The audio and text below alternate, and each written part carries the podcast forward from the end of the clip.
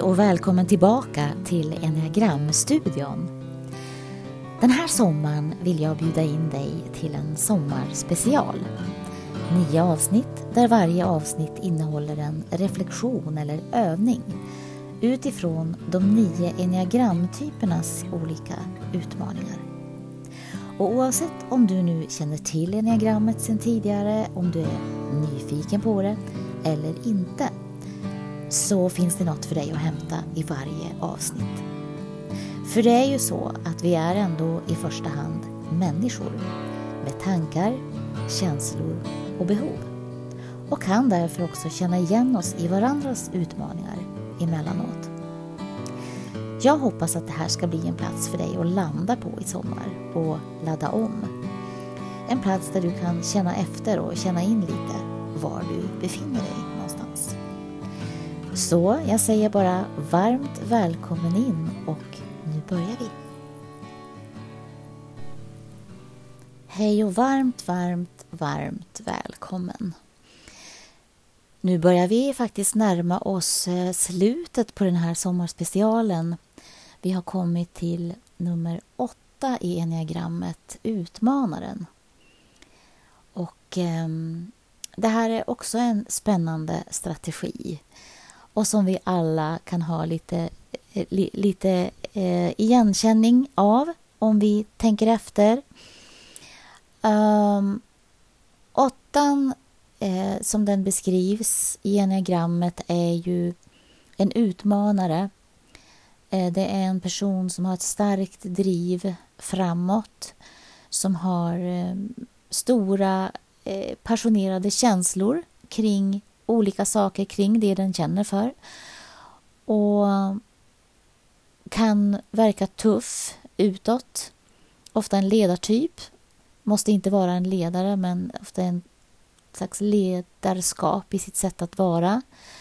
Um, och um, som sagt kan uppfattas tuff uh, av andra men innerst inne så finns det någonting väldigt mjukt och sårbart. Och jag tycker det är fascinerande när jag jobbar med klienter som har åttans strategi just att, att det blir så tydligt att där innanför det där skalet så bor en väldigt mjuk eh, person som eller ett, med ett mjukt inre som vill väldigt, väldigt väl. Och som ofta har en stor känsla av ansvar, som att man man, eh, man utgår från att man är ansvarig för hur saker och ting sker eller inte sker. Och man är inte rädd för att ta kommandot. Um, vi behöver människor som vågar ta ut riktningen och som är tydliga med vad de vill och så.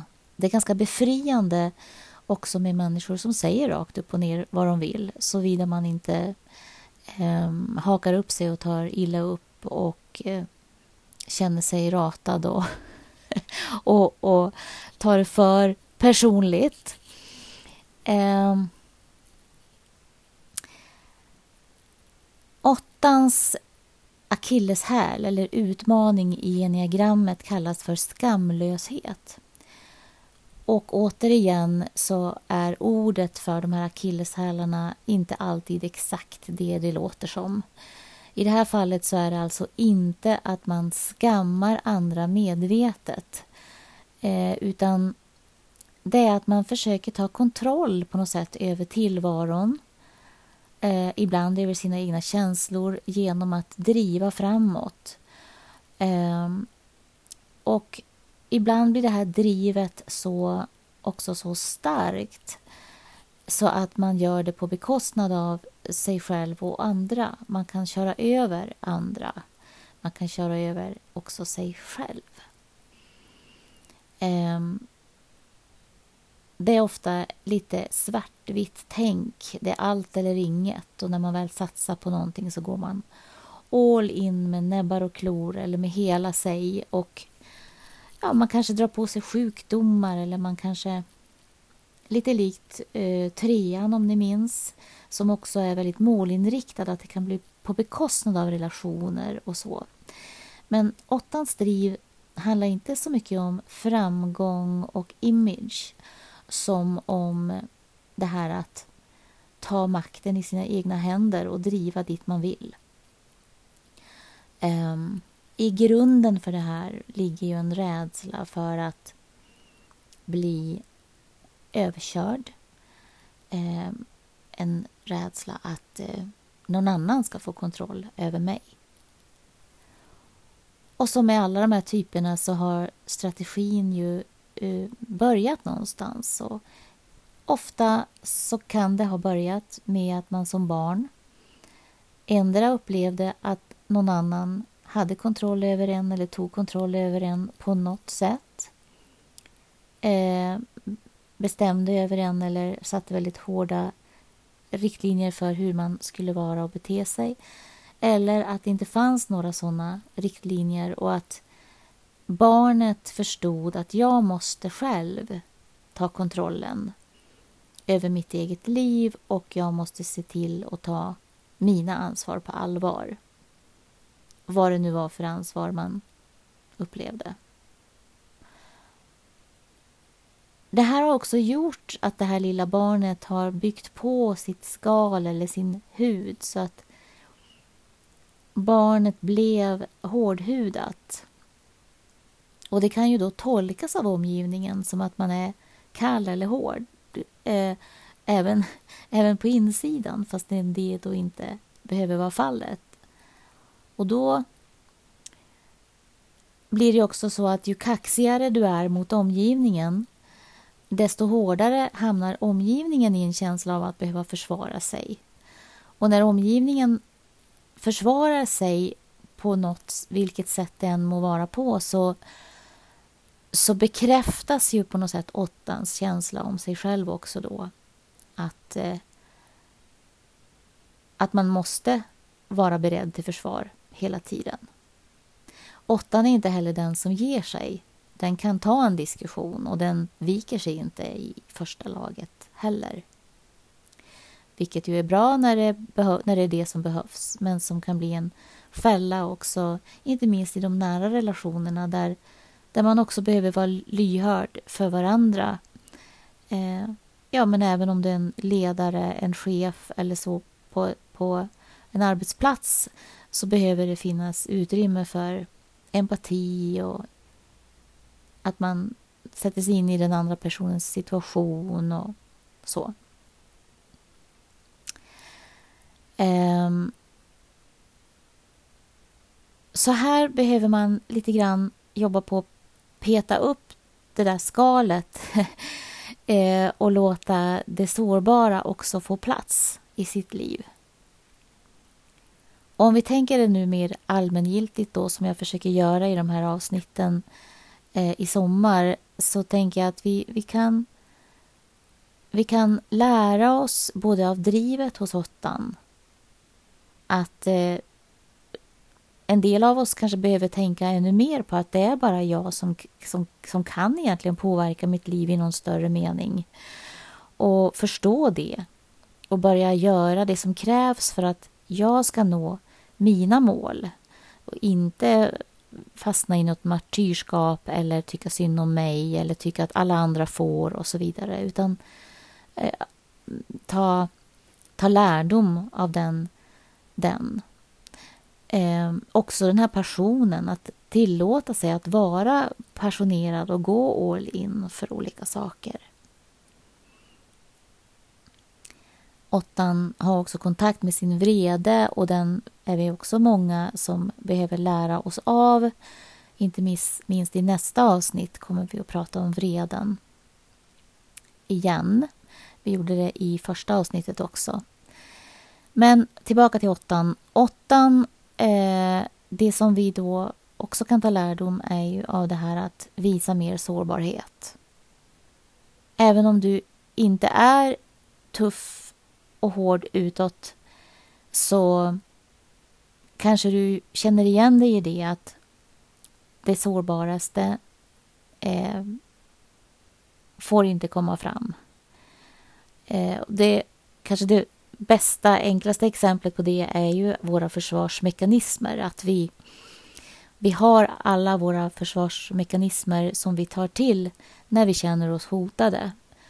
Och för alla de här försvarsmekanismerna gäller ju att, att istället för att överanvända oss av dem, för de kan också vara bra i vissa lägen, men att istället för att överanvända oss av våra försvar istället lägga ner vapnen, lägga ner dem på marken och säga bara hur det, hur det är, hur det känns. Så istället för att projicera eller skjuta över skulden på den andra eller nonchalera, gå åt ett annat håll eller springa iväg och slänga igen dörren eller vad vi nu gör.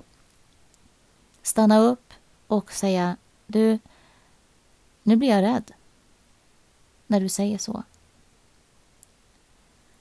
Jag känner mig rädd att du ska lämna eller nu blir jag rädd att du inte tycker om mig längre eller nu blir jag rädd för det eller det. För oftast när vi behöver försvara oss så ligger ju något hot där i luften som vi uppfattar som ett, något som vi uppfattar som ett hot. Men att lägga ner våra försvar och visa sårbarheten. Jag är rädd, jag blir orolig, nu känns det som att du inte orkar med mig eller nu blir jag rädd för vad du tänker om mig eller nu förstår jag inte vad som händer, kan vi bara ta ett djupt andetag och sätta oss ner och, och prata istället för att skrika åt varandra.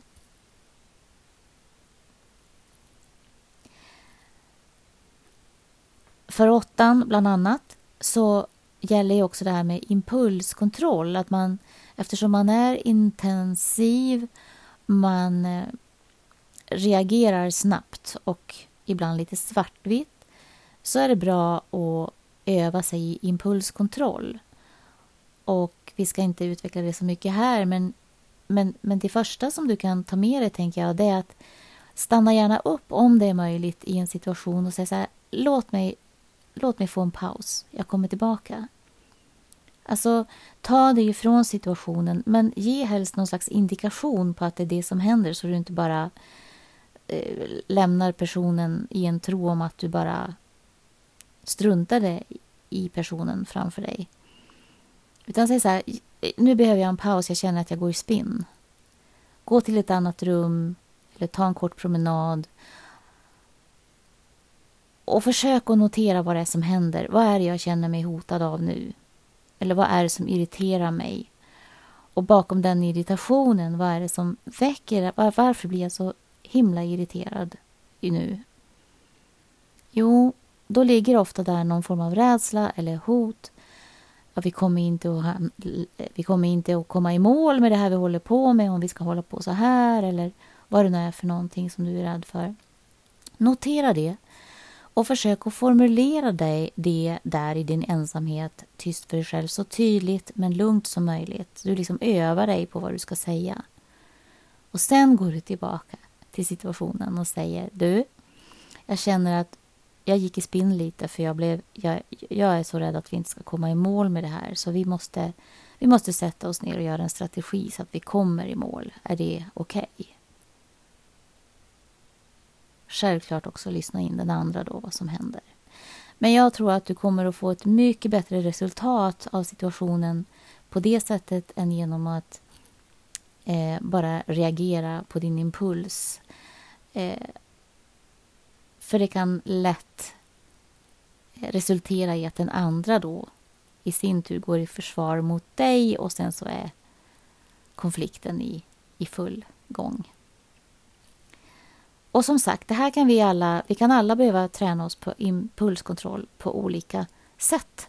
Så ta det med dig, tänker jag.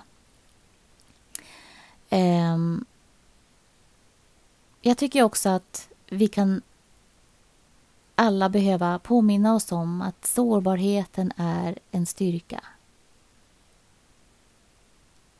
När jag gick i terapi första gångerna när jag var i typ 40-årsåldern så var en av de sakerna som, som, min, eh, så som hände i terapirummet en gång, det var att eh, jag frågade, men hur kan man, hur menar du, hur kan man vara stark när man känner sig svag?